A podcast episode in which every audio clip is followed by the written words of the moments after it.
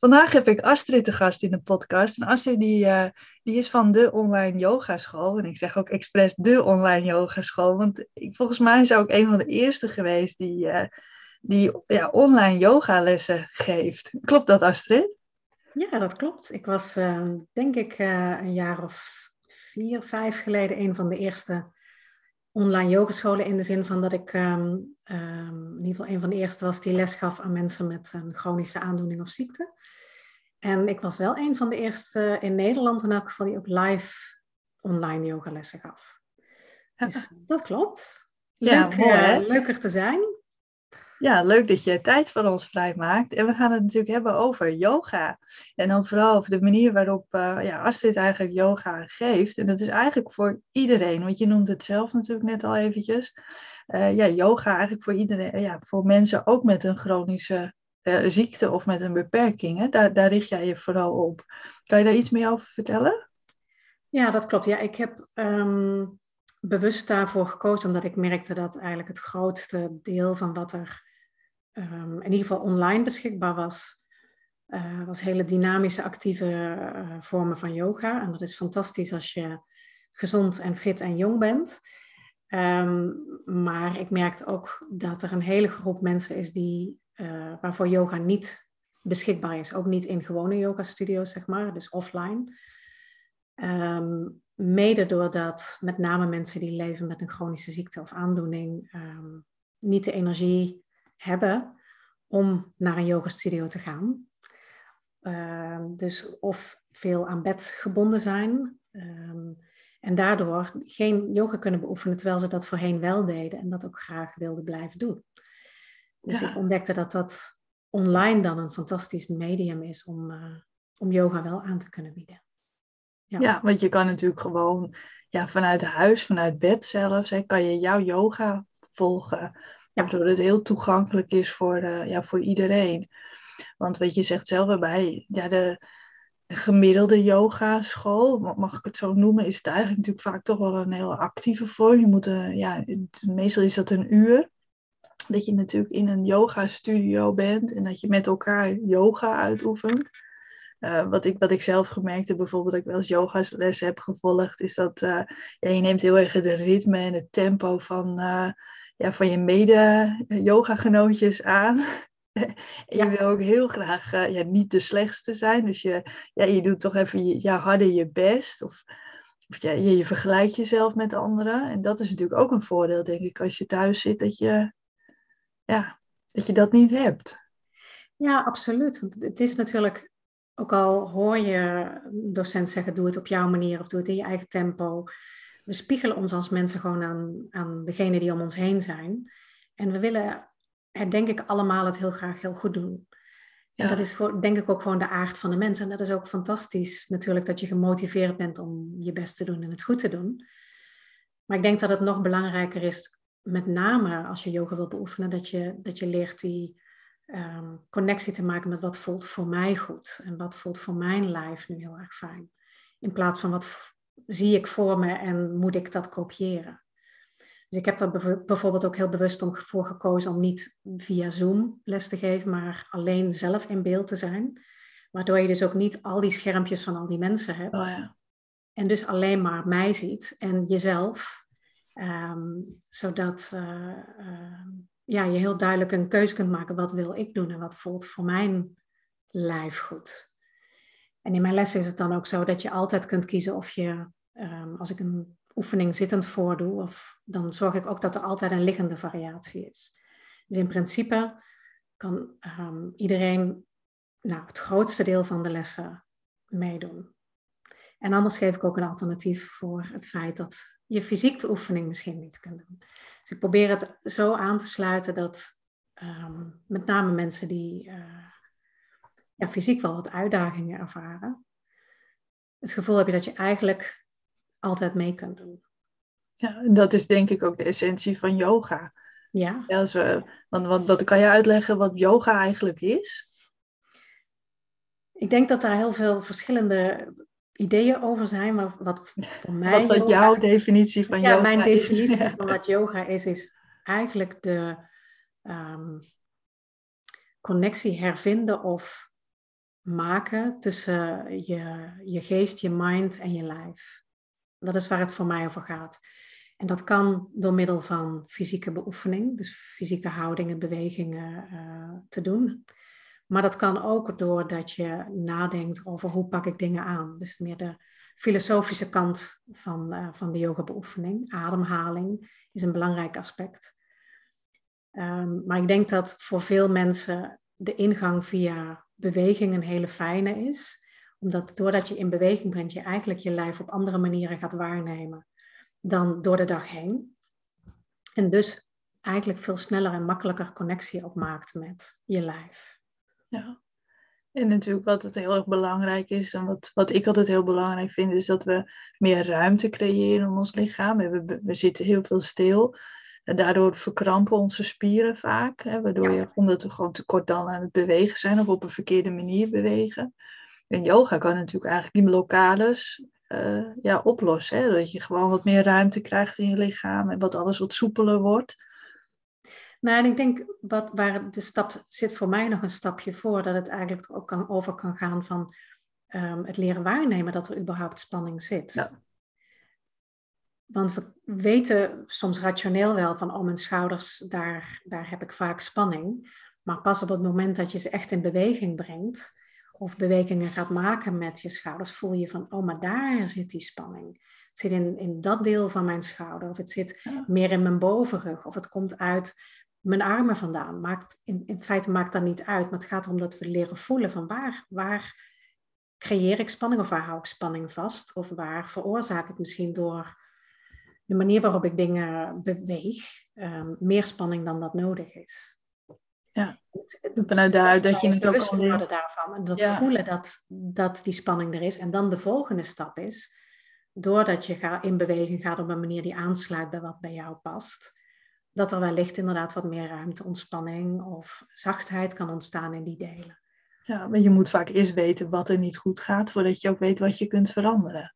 Ja. Toch? Dus je moet eerst leren voelen en dan pas kan je ja, gericht gaan oefenen. Ja. Toch? Want anders kan je alles wel gaan oefenen, maar dan denk je, ja, maar het helpt helemaal niet. Maar dat is vaak omdat je eerst ja, moet weten van, maar wat, wat gaat er dan eigenlijk niet zo helemaal goed? Maar waar zit die spanning? Ja, waar zit de spanning of waar, waar zit de onrust in mijn lijf? En dat, ja, dat geldt hetzelfde voor je mind. Als je niet ehm, weet dat je altijd dingen op een bepaalde manier doen, doet die eigenlijk jou niet helpen, um, kun je het ook niet veranderen. Dus het begint eigenlijk met 80 keer, zeg ik heel vaak in mijn lessen, 80 keer zien. Oh, zo doe ik dat. Ha, interessant. En dan de 81ste keer denk je, maar wacht even. Ik doe dat altijd zo, maar dat helpt me eigenlijk helemaal niet. Kan ik het ook anders doen? Ja. En als je dat, dat punt voorbij gaat van, oh ja, ik kan het anders doen, dan krijg je de keuzemogelijkheid om te proberen, oké, en wat werkt dan wel? Of hoe kan ik meer ontspanning in mijn lijf krijgen? Of wat is dat dan, rust voelen in mijn lijf? Het zijn vaak van die hele abstracte begrippen, hè? Ontspan. Ja, uh, maar wat is dat dan? Ja. Want ja, dat, het is maar een begrip. En loslaten, ook zo eentje. Het is niet zeggend. Nee, en het is het, we, zeggen het heel vaak, tenminste ik ook, hè, loslaten of uh, ontspannen. Maar ja, maar hoe dan? Weet je, dat is natuurlijk zo, zo belangrijk. En wat voor mij het hoe dan is, is natuurlijk weer heel anders dan voor jou bijvoorbeeld. En daar zit heel veel verschil in. Wat je ook heel goed benoemt natuurlijk, hè, die onrust in ons lichaam, die rust niet kunnen vinden. Dat is natuurlijk waar mensen met hyperventilatie heel veel last van hebben. Dat je gewoon niet ja, kunt ontspannen. Daarom vinden ook veel mensen yoga vaak niet zo prettig, omdat je dan heel erg moet gaan leren voelen. Is dat iets wat je ook herkent? Um, nou, niet zo direct als, zoals je het nu zegt, denk ik. Um, wel dat Misschien zeg het lastig het is om, maar... om te ontspannen. Dat, dat hoor ik wel vaak terug. Ik vind ontspannen heel lastig. Maar dat is ook een van de redenen waarom ik bijvoorbeeld niet vaak in mijn les zal zeggen, probeer nu te ontspannen. Nee. Omdat dat, dat, dat woord direct associaties geeft met ehm, ons beeld van wat ontspanning dan is.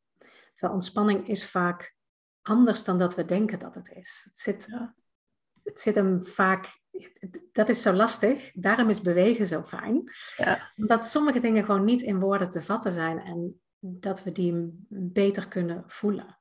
En dat maakt voor mij in beweging zijn en dan ontdekken van, oh, er is meer zachtheid in spieren mogelijk.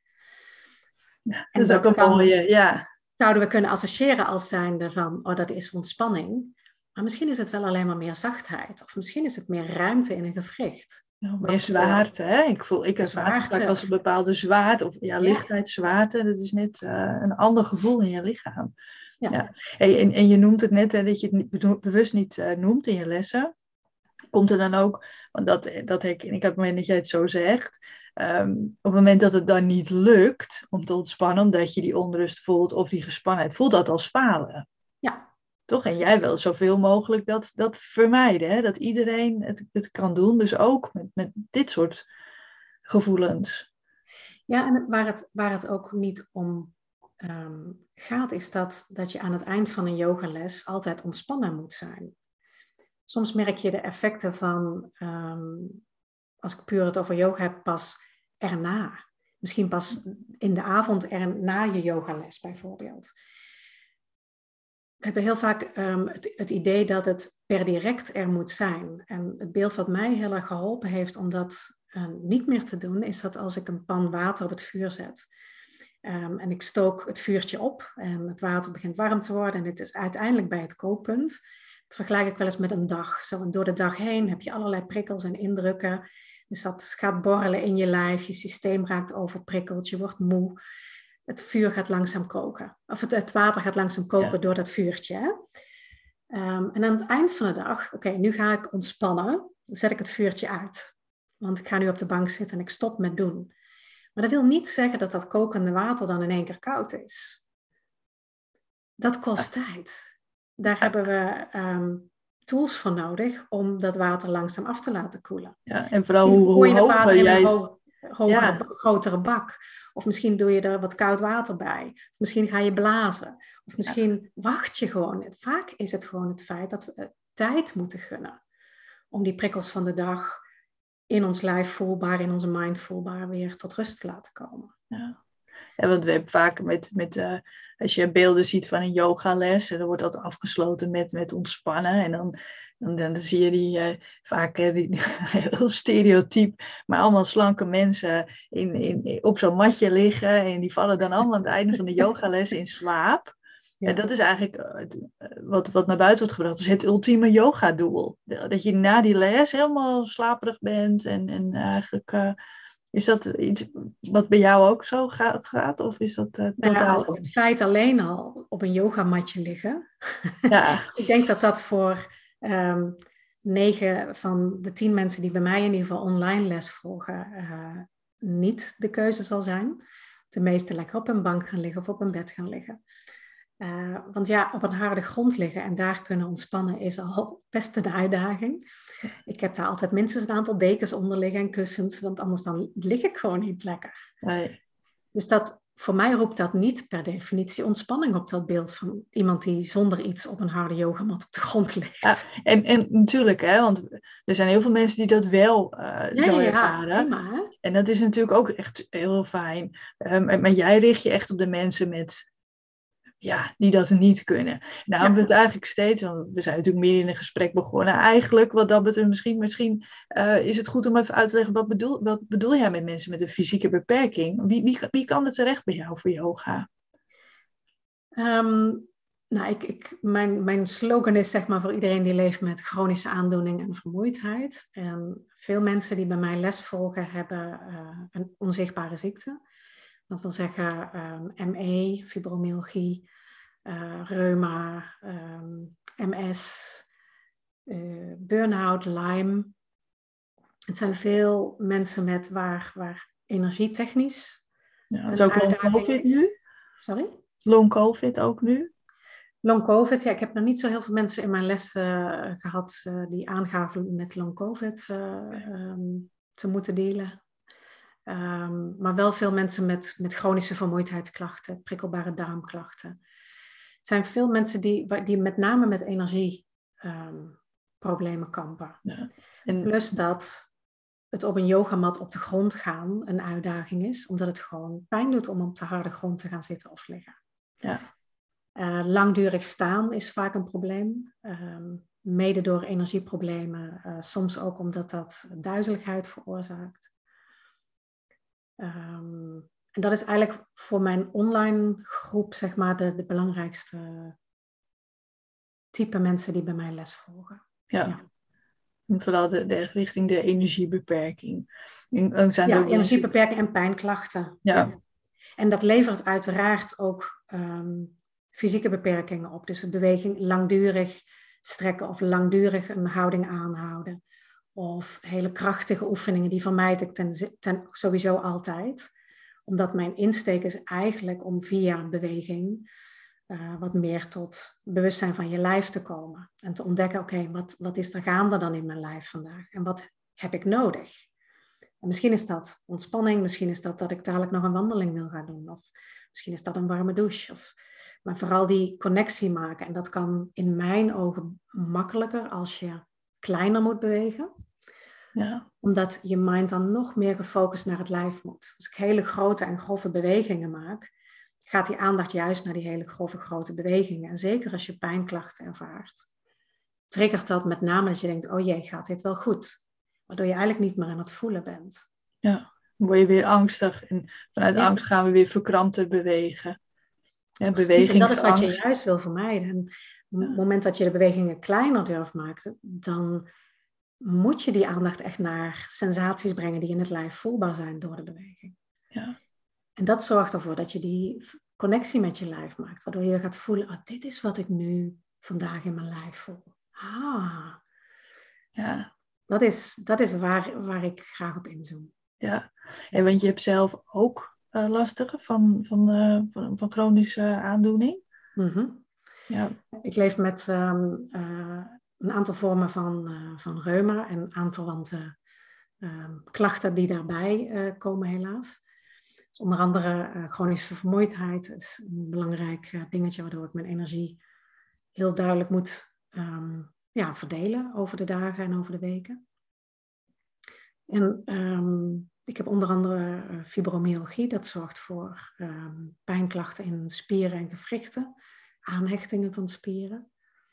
En het syndroom van Tietzen, dat zijn ontstekingen die in het kraakbeen tussen de ribben en het borstbeen zitten. Dus dat is echt een reumatische ontstekingsaandoening. Ja. ja. En daardoor weet jij ook zo goed hoe het is uh, om, om hiermee te leven. Maar je kan je er ook heel goed uh, in, in verplaatsen hoe, uh, wat dan goed voor iemand is natuurlijk. Nou, of ik wat goed is, precies weet wat er goed is voor iedereen. Dat nee, maar ik hoor het mezelf zeggen. En ik denk, dat is niet de juiste vorm. Maar nee, je maakt helemaal niet. Nee, maar dat is, weet je, soms. Um, ik, ik, probeer altijd waar in te zoomen op dat, dat we um, nog meer leren luisteren naar wat wij vinden dat goed voor ons is. Ja. En dat iedereen, voor iedereen is dat anders. En ik kan, ik kan heel veel aandragen en ik heb heel veel tools in mijn um, toolbox zitten, zeg maar, waarvan ik denk, die zijn voor heel veel mensen heel fijn.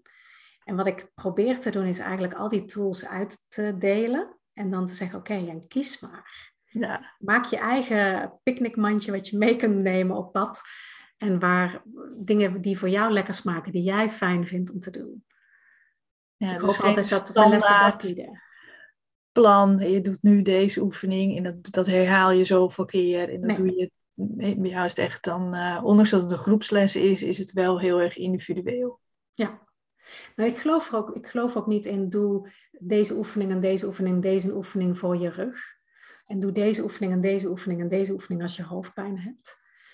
Ik geloof wel dat er een heleboel oefeningen zijn die een bepaald iets teweeg kunnen brengen in, het, in je lijf. Ja, die goed kunnen zijn die voor. goed kunnen zijn voor.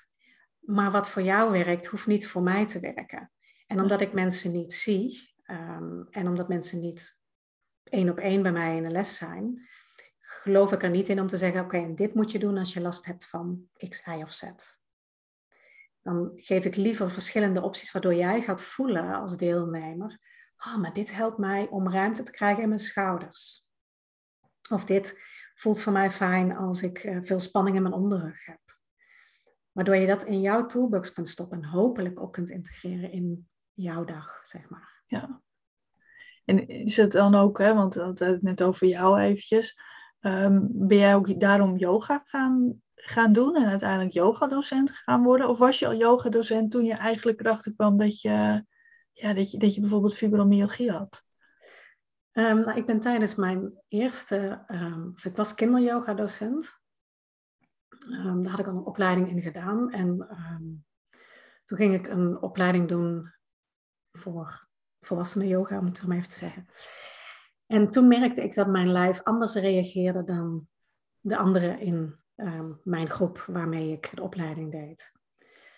En ik ontdekte ook dat de reactie van mijn lijf niet standaard was. Dus vaak kreeg ik twee dagen nadat um, ik een opleidingsdag had gehad, kreeg ik heel veel pijnklachten. En in die periode namen eigenlijk al mijn klachten meer en meer toe. Mede in gesprek met de docent die mij toen opleidde. Uh, die had zoiets van, ja, ik zou daar toch verder onderzoek in gaan doen. En dat heeft uiteindelijk nog wel een hele tijd uh, geduurd voordat ik een diagnose kreeg. Helaas is dat bij de zogenaamde onzichtbare aandoening ehm, een langdurend traject voordat artsen ehm, je geloven, je willen zien, ehm, hoe je het ook wilt noemen. Uh, de eerste keren werd ik met een paracetamolletje naar huis gestuurd. En uh, je zult het wel druk hebben als jonge moeder. Ja. Dat soort opmerkingen, uh, ja. Het is vast stress. Regelmatig. Ja, het is vast stress, dat soort dingen. Um, dan ben ik even mijn draad kwijt hoe je yoga bent gaan oh doen eigenlijk. Ja. Dus, eh, dus gaandeweg eh, tijdens die, die eerste opleiding werd ik me eigenlijk pas bewust. Dus yoga heeft mij geholpen om me bewust te zijn van het feit uh, dat er van alles gaande was in mijn lichaam. Ja, dat jouw lichaam eigenlijk niet gemiddeld is. Ja, niet gemiddeld is. En ik had wel al eigenlijk vanaf heel jong allerlei fysieke klachten. Maar dat, werd nooit, dat kwam nooit bij elkaar. Dat waren losstaande eilandjes, leek het. En zo wordt, het, word je vaak ook in de medische wereld natuurlijk behandeld. Zo van, oh je hebt last van je knie en dan behandelt de fysiotherapeut je knie en dan ga je weer door. Terwijl ik ga ervan uit dat het lichaam één geheel is en dat dingen met elkaar in verband staan. En dat ging ik eigenlijk pas zien tijdens mijn yogaopleiding. Dus toen ben ik vrij snel daarna les gaan geven en ontdekte ik ook steeds meer dat ik ja, eigenlijk met mezelf in conflict kwam. Dat ik heel graag hele, ik gaf hele dynamische yogalessen. Maar dat levert alleen maar meer en meer klachten op. Terwijl yoga zou eigenlijk fijn moeten voelen. Toen ben ik een nieuwe opleiding gaan doen bij een andere docent, waar meer een mindvolle benadering van yoga ehm, aan bod kwam. En toen viel dingen echt pas op mijn, voor mij op, op zijn plek. Dat ik dacht, oh, maar ik kan door middel van yoga heel erg leren omgaan met al die beperkingen die ik ervaar. En yoga kan een ondersteuning zijn in plaats van dat ik mijn klachten vererger en, en groter worden. Was dat altijd makkelijk om het te accepteren? Nee, en dat is het, is het nog niet. En ik, ik, ik, ja, ik denk ook dat het acceptatieproces of het leren omgaan met klachten een levenslang is. Als je aandoening levenslang is, verandert dat. Dus ook naarmate je ouder wordt, of komen er ook nieuwe klachten bij, of het verandert gewoon in vorm. Um, dus het is steeds opnieuw intunen met wat klopt nu bij mijn leven, bij mijn lijf. Makkelijk wordt het nooit, hè? Of leuk. Nee, leuk wordt het, het nooit. accepteren vaak. Wel, maar... Ik vind het wel makkelijker nu, omdat ik een toolbox heb. Omdat ik weet hoe ik mezelf vaak, niet altijd, maar vaak kan ondersteunen. En dat ik het ook minder erg vind om nu ehm, twee dagen in mijn pyjama gewoon in huis te zijn en hier een beetje aan te rommelen om te herstellen. Om energie weer op te doen voor een nieuwe week. Ik vind dat nu niet meer zo erg. Nee. Al tien jaar geleden was ik ook in een ander leven. Mijn dochter was toen net, ging net naar de middelbare school. Dan zit je in zo ook weer in een hele andere levensfase, wat andere dingen van je vraagt als mens. Dus ik, ik denk dat de acceptatie meebeweegt met, um, met je leven ook in die zin. En ja, ik ben inmiddels uh, zoveel jaren verder na mijn diagnose. Dat maakt het ook makkelijker. Ja, en ik denk ook dat, dat uh, jouw yoga daar ook natuurlijk gewoon heel goed uh, voor jezelf mee ja, dat die je daarbij helpt. Ja. ja, en vooral ook het mezelf toestaan um, dat yoga voor mij mag gaan over me lekker voelen in mijn lijf. Dus het is niet mijn manier om bijvoorbeeld conditie op te bouwen. of ehm, om uh, leniger te worden. Daar is, daar is yoga voor mij niet voor bedoeld. En dat is wel het plaatje wat we vaak natuurlijk zien um, als je yoga plaatjes ziet of yoga video's voorbij ziet komen. En wat ook... Het is fantastisch dat mensen dat kunnen, hè? dat lijven dat kunnen en dat mensen daarvan... Ook zou dat ook altijd zo, dan zie je dat en dan denk ik, oh, maar het is voor mij ook, ik ben weer heel stijf altijd in mijn gewrichten, in mijn spieren. en uh, ja, als ik dat dan zie, en ik denk, dat kan ik niet hoor, weet je, en het gaat me ook nooit lukken. Dat, dat voelt ook gewoon helemaal niet fijn. Omdat je dat dan ziet en dat wil je ook altijd dan graag ook kunnen. Maar ja, mijn lichaam is niet voor geschikt. Nee, en ik denk dat dat voor misschien wel uh, acht van de tien of negen van de tien mensen gaat. Ja, voor heel veel mensen. Het standaard plaatje van die prachtige um, pretzelposes, zeg ik wel uh, uh, ja, ik vind het fantastisch eruit zien. En als je lijf daar geschikt voor is, is dat fantastisch. Maar dat zijn vaak de wat meer hypermobiele mensen die die vormen kunnen aannemen. Ja. Ons lichaam, ieder lichaam is uniek gebouwd. Um, en yoga gaat er niet over. Yoga gaat niet over die houdingen. Dat is een middel, maar dat is niet het hoofddoel. Het hoofddoel is dat we kunnen, kunnen kijken of we onze mind en ons lijf wat meer in synchroniteit kunnen laten, laten zijn. In plaats van dat we wandelende hoofdjes zijn of um, struggelend in ons lijf. Ja, meer kunnen en willen voelen, omdat ons lichaam zo vervelend voelt en dan duw je alles maar weg. Ja, ja. Wel, als je het, lijf wegdrukt omdat het vervelend is, druk je ook alles wat aangenaam voelt in je, in je lijf ook weg. Ja.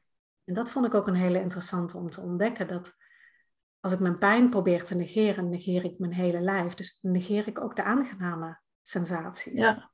Zijn de, de fijne dingen als zon op je huid of, of, of een lekkere maaltijd eten, die proef je of dat voel je ook minder. Ja, ook die, en ook niet alleen die gevoelens, die, die, buiten, ja, die gevoelens van buitenaf, zeg maar, maar ook die gevoelens van binnenin. het, het blij kunnen zijn, hè, dat, dat mis je dan ook. Doordat je gewoon alles een beetje afstomt. En uh, ik denk dat yoga daar inderdaad ook mee kan helpen, omdat je wat meer in balans komt.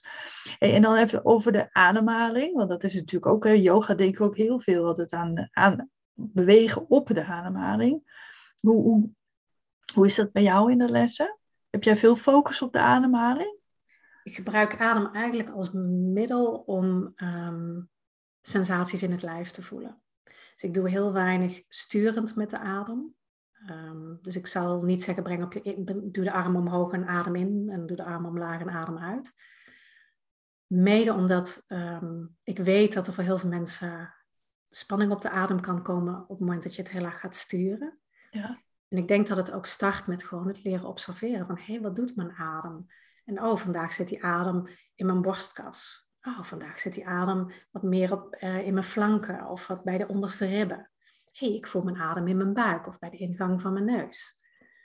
Op het moment dat je dat, dat soort sensaties leert waarnemen, leer je ook um, voelen wat doet mijn adem in verschillende situaties.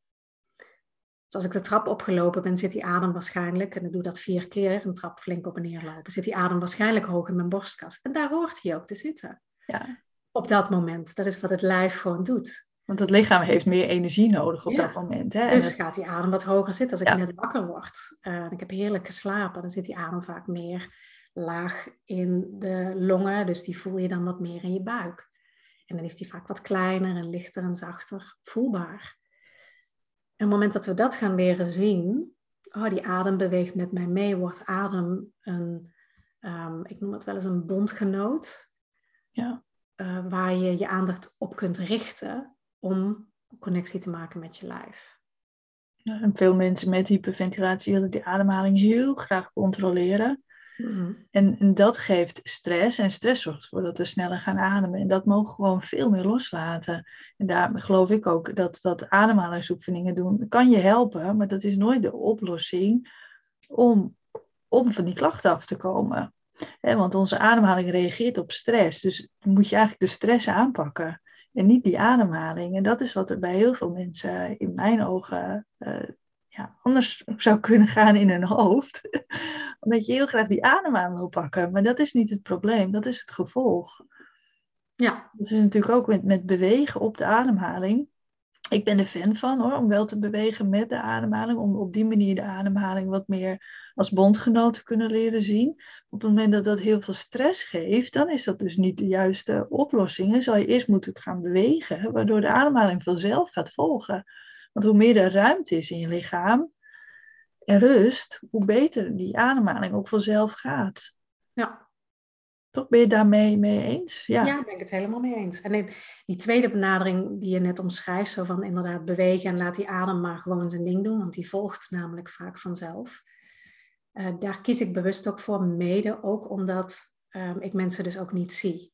En ik dus ook niet kan inschatten, um, al die mensen die in mijn les zijn online, wat hun ervaring is op dat vlak. Dus ik kies dan ook voor de benadering die voor um, het groot deel van de mensen het meest toegankelijk is. En dat is de adem gewoon laten. En de, adem leren kennen door hem, door hem te voelen dat hij er is. Um, altijd ook wel een alternatief te geven, want er zijn momenten dat, je, dat de adem voelen gewoon niet fijn is. Um, of dat um, het onrustig maakt. Dan zijn er altijd andere mogelijkheden. Dus ik, ik zorg ook voor een tussen haakjes escape of een variatie, zoals ik het vaak noem. Ja omdat ik er heel erg in geloof dat het van dag tot dag kan verschillen en dat forceren het tegenovergestelde doet. Dus als ik geforceerd die adem nu ga volgen of geforceerd mijn adem in een bepaald ritme probeer te brengen, levert dat wat jij zegt inderdaad eerder stress op dan dat het iets positiefs brengt. Ja, bij heel veel mensen levert dat stress op. Ja. En bij sommige mensen vinden het wel heel fijn, die hebben die structuur nodig. Uh, en bij anderen niet. En, uh, en dat is ook goed. Ja, zeker. Dan gaat het om dat je veel meer mag leren luisteren naar wat jij nodig hebt en wat goed voelt. En dat is weer, dan kom ik weer, veel liever zijn voor jezelf. Want dat is die kern. Door, door te luisteren en te voelen wat heb jij nodig. Daarin ben je lief voor jezelf. En wat, ja, te gaan bewegen in die uiterste, omdat het zogenaamd goed is voor je. Terwijl dat niet goed voelt, is weer een vorm van stress. En daar mag je veel liever voor jezelf zijn. Ja, ja zeker. Het is zo jammer om voorbij dat te gaan wat, wat lekker voelt. Soms is het goed, hè? weet je. Ik, ik, probeer ook altijd een onderscheid te maken tussen als ik één op één met iemand zou werken en ik zou willen werken aan bijvoorbeeld meer, weet ik veel, bewegingsruimte in de schouder, omdat er een frozen shoulder is geweest, enzovoort, enzovoort dan zal een fysiotherapeut of als ik één op één met iemand zou werken, zou dat een andere insteek kunnen zijn. Maar als het gaat over ik wil in beweging zijn, en ik, dan mag het veel vaker gewoon gaan over mag het fijn voelen. Dat is iets wat, wat we denk ik een beetje gemist hebben in ons, in ons leven. Tenminste, als ik kijk naar mijn schooltijd. Ehm, nou, je moet altijd gas geven en meer. En uh, een, een, acht is eigenlijk nog niet genoeg. Liever een, liever een tien. Zo. En heel hard voor onszelf zijn. En terwijl juist op het moment dat jij uh, iets, iets ja, tussen aandacht mankeert, hè, of dat je wel iets van een diagnose hebt of ergens last van hebt, dan is het juist zo belangrijk om veel liever voor jezelf te zijn. Want dan kom je veel verder dan maar door en door en door te gaan. Want dan ga je alleen maar verder over je grenzen. Ja, en ik geloof ook dat op het moment dat je ontspant, ehm, of je meer ontspannen voelt, of meer ruimte voelt, welke, welk woord je er ook voor wilt kiezen, dan heeft je lijf ook letterlijk meer, meer bewegingsruimte. Ja. Dus als ik durf te verzachten en durf klein te houden, dan voel je ook waar die ruimte is. Terwijl als ik meteen vol gas geef, dan zegt je lijf eigenlijk meteen, ho, wacht even. Dit hadden we niet afgesproken. En ga je eigenlijk een beetje in, in, het, in het verzet met je lijf, of eigenlijk in strijd met je lijf. Dus als ik heel zacht klein begin, kleine stapjes maak, en het lijf laat voelen van, ah, maar dit is oké, en er komen niet meer klachten als ik dit doe.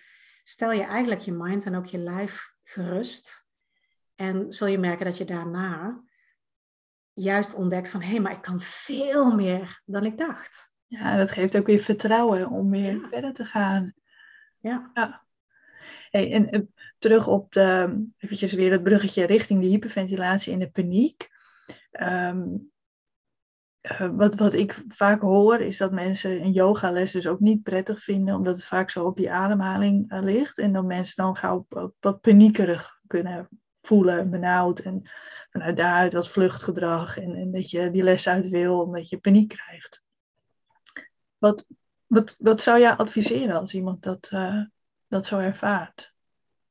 dat is wat ik net ook noemde. Een van de redenen waarom ik altijd een, variatie geef voor bijvoorbeeld als ik in een oefening je vraagt naar de adem te luisteren of de adem te voelen. Dan geef ik als alternatief bijvoorbeeld, kun je in plaats van die sensaties van de adem, sensaties voelen van het contact van je lijf terwijl je nu zit of ligt. Dus dat je een um, alternatief hebt. Want waar het om gaat is dat we sensaties leren waarnemen in het lijf. En dat we daar bekend mee raken met hoe is dat nu om, mijn, om de sensaties in mijn lichaam te voelen. Die waarnemingen te hebben met wat het lijf van binnenuit laat voelen. Als die adem nog onveilig voelt, kun je ook starten met bijvoorbeeld contactpunten van je lijf of sensaties doordat je beweegt.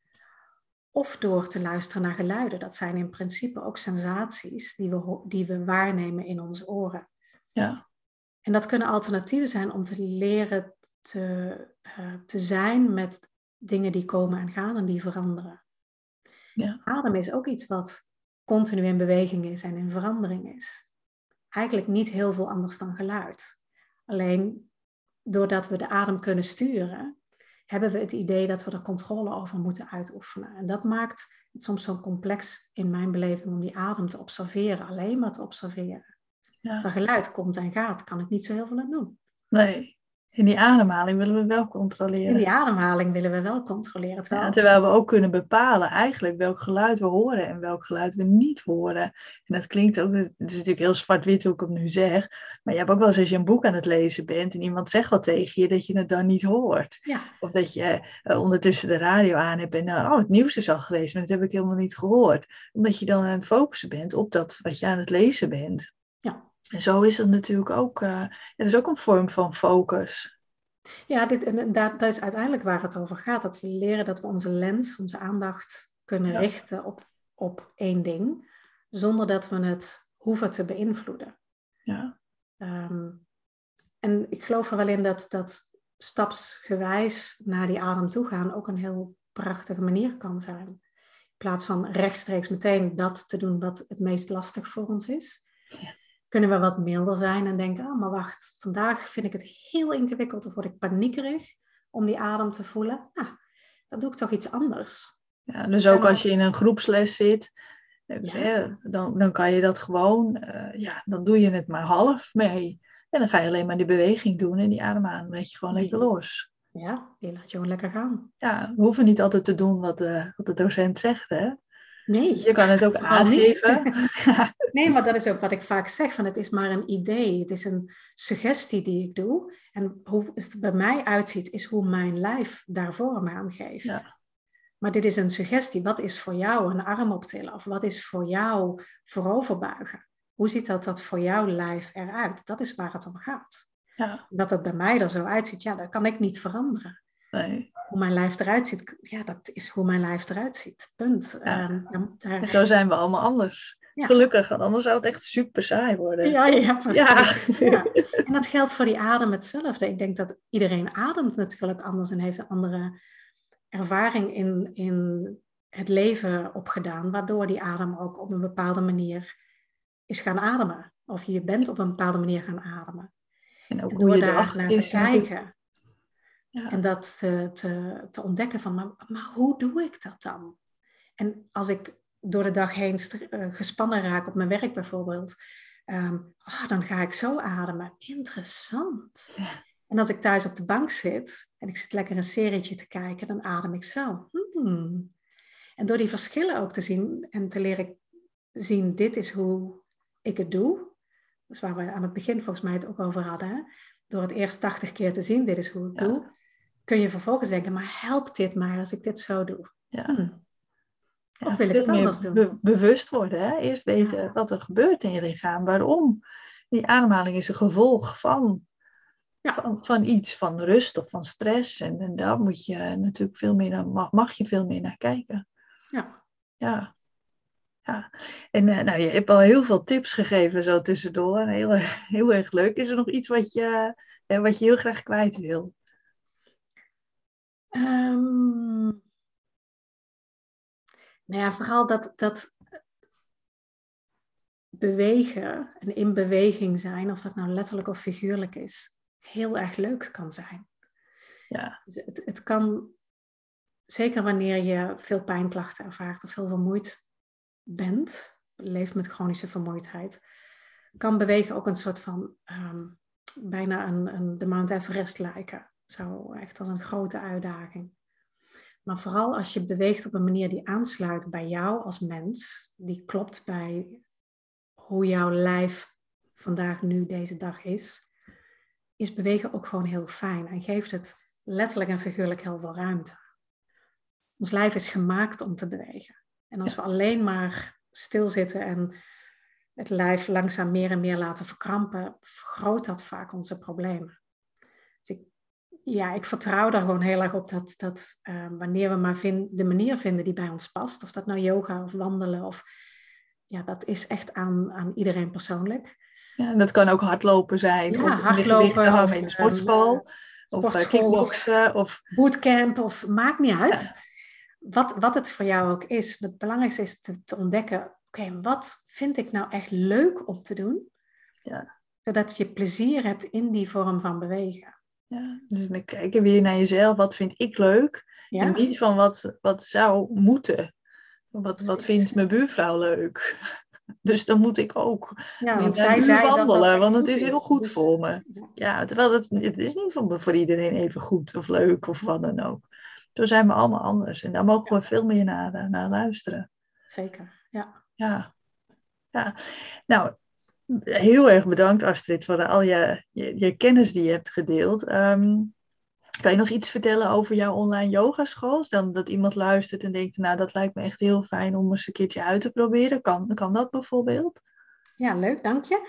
Ehm, ja, je kunt ehm, mijn eh, yogaschool vinden op de onlineyogaschool.nl. Heel makkelijk. En De link zal ik ook hieronder nog even plaatsen hoor. Oh, dankjewel. Ja, leuk. Ehm, ja, en je kunt altijd een kennismakingsles komen doen. Die kun je gewoon rechtstreeks via mijn website ook ehm, eh, reserveren. Ehm, en ik geef in principe les via eh, lidmaatschap. Dus je wordt lid voor een maand, een kwartaal of een half jaar. En dan krijg je naast live lessen die ik iedere maand zeven geef, krijg je ook toegang tot een online platform waar je meer dan 50 yogalessen en meditaties en dergelijke kunt ehm, doen, 24 uur per dag. Dus in principe heb je onbeperkt toegang eh, tot, eh, tot mijn yogaschool als je lid bent van mijn yogaschool. Dus als mensen ehm, ja, heel graag een keer willen uitproberen, kunnen ze me op Instagram ook een DM sturen of een mailtje sturen. Als ze vragen hebben, ehm, misschien past dit wel bij, bij mij of niet, laat het me gewoon weten denk heel graag mee. En uh, waar het mij vooral om gaat, is dat je een plek vindt die bij jou past. Dus ik zal ook altijd eerlijk antwoord geven als je zegt van nou, dit en dit is mijn situatie. Denk je dat het bij me past? Als het wel is, zeg ik ja. En als ik denk, nou, misschien ga je liever naar een collega, dan zeg ik ook, zeg ik ook dat. Ja, maar dat is ook belangrijk, toch? ja, ja. Ja, want we kunnen ook niet in ons eentje de, iedereen helpen. Zo werkt het natuurlijk ook niet. Nee, en moet gewoon ook een klik zijn. Het moet aansluiten, de manier en de vorm moet aansluiten bij, bij jou als mens. En uh, ja. dat is uiteindelijk waar het om gaat. Absoluut. Dus uh, nou, www.deonlineyogaschool.nl, daar kan je heel veel meer informatie vinden. En uh, deelt ook altijd heel veel leuks op, op Instagram via de stories en uh, ook hoe zij zelf de yogalessen geeft. Ik zie er altijd met heel veel kussentjes en, en, en de kat. ja, mijn, uh, dat zeggen mijn deelnemers ook altijd. Waar ik veel geld aan uitgegeven heb, is nog meer kussentjes en dekentjes. maar dat is ook zo fijn en maak het jezelf zo makkelijk mogelijk. Ja, comfort en gemak staat voorop.